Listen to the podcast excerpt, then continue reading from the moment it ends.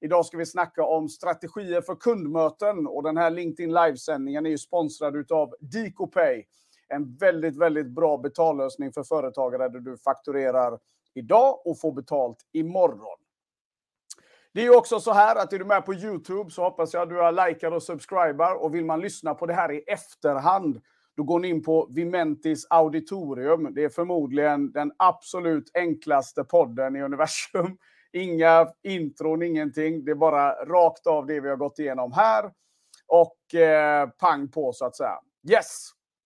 Då så, det här med kundmöten. Eh, det är ju någonting som vi alla, vi all, det berör alla. Det berör precis alla som hänger här på LinkedIn. Och eh, det är väl alla här kan nog relatera till när jag säger kundmötet man lämnar och det känns lite som att what was the point? Eh, någonstans är det ju lite så att när vi pratar om kundmöten överlag så eh, har vi ju skapat en, jag ska inte säga kultur, men vi har skapat en vana då, då av att vi går på kundmöten, vi eh, sitter där, vi presenterar, vi, vi hoppas nästan lite på det bästa, att det ska liksom trillar ner en polett längs vägen och eh, har man lite flyt och det är bra timing, ja, men då blir det kanske en affär. Vad jag vill göra idag är att ge dig ett gäng frågor som du bör ställa dig själv framför allt också när du går på kundmötet som du kan bocka av. Och kan du bocka av de här, då kommer du att göra riktigt, riktigt bra möten som leder till antingen en affär eller till en ambassadör. Och har ni varit med ett tag så vet ni ju att eh, en sak som jag ofta säger är så här att du, ett kundmöte med rätt ingredienser då, då innebär att du aldrig kommer få ett nej på ett kundmöte. Om du aldrig vill få ett nej på ett kundmöte, då finns det ett par saker du kan göra. Bland annat då, då så är det att tänka så här. Antingen så kommer kunden att köpa av mig eller så ska det bli en ambassadör. Och det här är någonting som, eh, som jag själv började ställa in mig på för länge, ett tag sedan. Och det, det ledde ju till att jag steppade upp mitt game något så otroligt på alla mina kundmöten. Det ledde till att jag förberedde mig på ett helt annat sätt. Det ledde till att jag eh, det ledde till att jag eh, lyssnade in kunden på ett helt annat sätt. Det ledde till att jag var mycket, mycket mer lösningsorienterad. Därför att jag ville skapa wow på varje... Det, det är liksom min ambition. Om du träffar mig på ett kundmöte och går därifrån och inte studsar ut, menar jag, oavsett om det är digitalt eller om det är IRL, ja, men då har jag misslyckats. Då är inte det ett bra möte ifrån mig. Så en av de sakerna som, innan vi kommer in på de här frågorna då, då, som du kan ta med dig. Det här är någonting som jag ofta går igenom under mina program också. Det är just det här att eh, nummer ett, det du behöver ha fokus på i den ordningen, det är känsla, budskap. Okej? Okay? Känsla, budskap. Eh, ofta av någon anledning så vänder vi på de här sakerna och vi, vi går in i kundmötet med budskap först och kanske känsla då. Men vi behöver förstå att alla köpbeslut, precis alla köpbeslut, börjar med en känsla först. Och det räcker att jag säger politik, eller det räcker att jag säger klimat, så, så, så borde ni ha ett facit rakt upp och ner där. Därför att tittar vi på de två starka ämnena då, då, så är det verkligen så. Beroende på hur vi känner för någon av de här sanningarna som cirkulerar där ute. Det vi känner formar vad vi ser. Och de som förstår det, de skapar fantastiskt bra content. Det är de som är där ute och wowar på sina kundmöten. Det är också de som tveklöst gör flest affärer varje månad. För det är någonstans så här också. Ingen är intresserad av att lyssna på hur fantastiska tjänster du har. Om, de inte, om vi inte först vet vad det är för problem vi ska lösa. Eller vad det här leder till.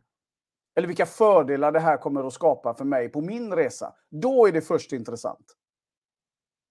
Så ska vi göra de här grymma kundmötena, ska vi skapa de här avtrycken som, som, vi, som vi vill. Jag vet att alla har, de flesta har, utan tvekan så har de flesta ambitionen i alla fall att eh, varje kundmöte ska vara en upplevelse. Men av någon anledning när vi kliver in i kundmöten som sagt så händer det någonting. Ni vet den där powerpointen kommer flygandes. Och vi tänker att nu jäklar ska mina bilder här vara direkt avgörande för hur kundmötet ska gå. När jag säger det så så fattar ju vem som helst att det är klart att det inte kommer vara det. Men det är ganska ro Det som är kul då, då det är ju att tänka lite så här. Vad är det jag förbereder inför mina kundmöten? Nio gånger av tio så är det vad ska jag säga? Vad ska jag presentera? Och så sitter vi där. Istället för att vända på steken och tänka så här. Nummer ett, vad ska kunden känna när, när vi är klara? Vad ska de känna när vi är klara? Otroligt viktig fråga att ställa sig själv. Nummer två då. då eh, vad är det jag ska säkerställa? Vad ska jag lära mig utifrån det här kundmötet? En strategi inom B2B framförallt som jag rekommenderar starkt idag. Det är att du hellre har två kundmöten med kort intervall än ett mycket längre och hoppas på ett close. Och låt mig förklara det där lite då. Därför att i grund och botten är det så här. De flesta B2B-tjänsterna, vårt köpbeteende generellt i Sverige, är inte att vi kliver in i en affärs eh, sit-down och så går vi in där och många gånger liksom kan vi sträcka handen över bordet och säga yes, vi kör. Det är oerhört få som är så beslutsmässiga i det här landet. Och det är av flera skäl. Och någonting som vi behöver lära oss då, det är att förstå att tålamod är liksom inte bara det handlar inte om att vi, vi ska liksom riska någonting i onödan, utan vi ska, vi ska tvärtom, vi ska skapa ännu mer trygghet för kunden att känna att de är på väg till att göra ett bra, ta ett bra beslut. Göra en bra affär helt enkelt. Och då, och då är det lite intressant att när vi bokar mötet då, så kan det vara en, att, att våga testa detta. Boka hellre ett möte Antingen bokar du två stycken direkt om du har bra, bra dialog med kunden. Eller så siktar du på två korta med kort intervall. Det vill säga, det ska inte gå sju dagar mellan varje möte. Utan första mötet är mer av ett discovery call, som det kallas. Första mötet är mer av en kartläggning. Att liksom ställa sig en hel del frågor. Och hoppas du har någonting att skriva på. För de här tänkte jag att jag skulle bjuda på idag. Eh, efter det första mötet då, så behöver du ställa dig själv frågan. Har kunden ett problem som du kan lösa? Ja eller nej? Har kunden ett problem som du kan lösa? Nummer två, håller, du, håller de med om att det finns eh, att det finns ett problem eller att det är ett problem överhuvudtaget? Håller de med om det? Därför att du kan ju tycka att ja, men du har världens bästa lösning till marknaden. Men de kanske inte håller med dig. De kanske inte har connectat med det problemet. Du behöver fråga dig själv, är du 100% säker på att de håller med? Nummer tre, och det här är ju en ganska viktig då. Vill de lösa problemet? Vill de lösa problemet? Därför att det behöver inte vara så, återigen. Och om du inte kan liksom, lämna det mötet eller sitta i mötet och tänka till 100 procent att ja, de vill verkligen lösa problemet. Ja, men vad är då meningen med att börja pitcha någonting? Och den fjärde, som jag tänkte du ska få med dig idag. Är de öppna för att lösa det här problemet med dig?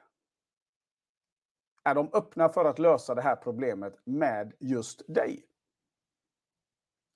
Och det här är någonting som, de här fyra frågorna ska man kunna svara på efter varje första möte med en kund. Kan vi inte det, vad har vi gjort där?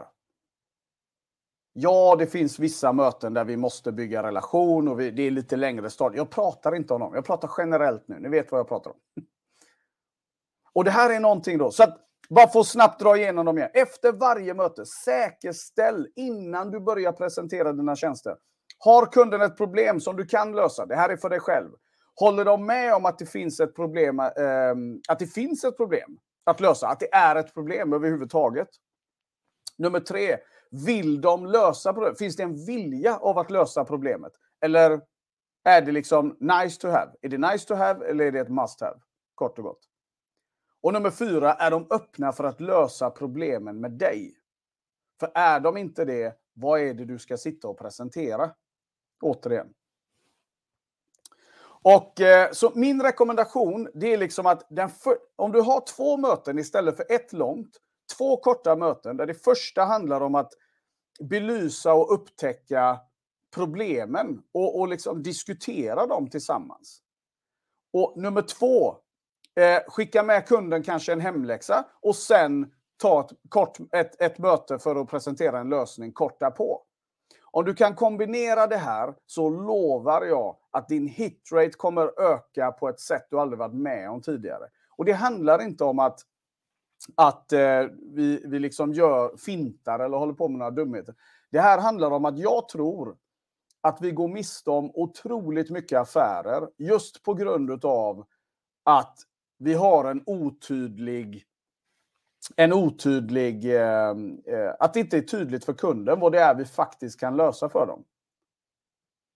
Och med det då så, så, går de, så blir det oftast liksom snabbare. Det är lättare för någon som inte du har relation med att säga nej, men det är inte riktigt rätt i tiden för oss nu. Det är lättare för dem att säga det eh, och skita i affären rent av än att chansa på någonting som de inte... Det låter kanske bra, men de är inte helt säkra. Så vi måste ha lite mer tålamod. Vi måste ha lite mer fingertoppkänsla. Vi måste våga tala lite mer klarspråk på våra kundmöten. Gör du det så kommer kundmötet att bli helt magiskt. I promise you. Eh, istället för att vi ska liksom bara kötta på ett kundmöte och sen någonstans mot slutet, ja men då är det någon då är det något eh, liksom någon korvstoppnings-VM som ska liksom avslutas och så ber vi kunden att fatta ett beslut. Det är ganska naivt. När jag började göra det här, det blev bättre affärer, det blev mer affärer, självklart, men det blev också bättre affärer. Det var liksom mycket tydligare varför kunden ska köpa. Det blev mycket tydligare vilken nytta det här gör, både kortsiktigt och långsiktigt för kunden. Och de var liksom väldigt mycket mer införstådda med processen som väntar då, då. För kom ihåg det, jag brukar säga det också, ni som säljer tjänster, ni som säljer någonting som har en fördröjd effekt att uppleva, det vill säga kanske tjänster eller du jobbar inom bygg eller du, vad det än är, där kunden bestämmer sig eh, eh, ja, vad ska man säga, januari och, och slutleverans är eh, liksom ett par veckor fram då, då, eller flera månader fram. Ja, men glöm inte, de köper liksom en, en vision av vad som ska vara. Och det här är någonting som vi ofta glömmer och, och då är det väldigt bra om de är väldigt införstådda med liksom varje del i detta. Då, då. Så ha tålamod i säljprocessen. Ställ de här fyra frågorna så lovar jag er, det kommer bli en helt annan dynamik mellan dig och den här potentiella kunden. Och blir det nu inte en affär, då lovar jag att ni båda har kommit fram till att det är bäst för sitt, alltså i det läget just nu. Men jag kan lova dig att du har en ambassadör som varmt kommer att rekommendera dig till eh, fler och fler där ute. Och vet du vad du har lyckats med då? Då har du lyckats med det där konststycket att aldrig få ett endaste nej på dina kommande kundmöten. Jag hoppas att det här gav någonting mina vänner. Jag hoppas att eh, du kommer att ha en riktigt, riktigt grym start. Får jag en tummen upp eller någonting för att se att ni är vakna. Och eh, riktigt, riktigt bra. Det har varit bra drag hela morgonen här och eh, ta nu med dig de här tipsen. Låt mig veta gärna vad du tänker och tycker och sådana saker. Eh, jag finns här om du vill diskutera sälj med mig. Ha nu en fantastisk vecka så syns vi snart igen. Ciao, ciao!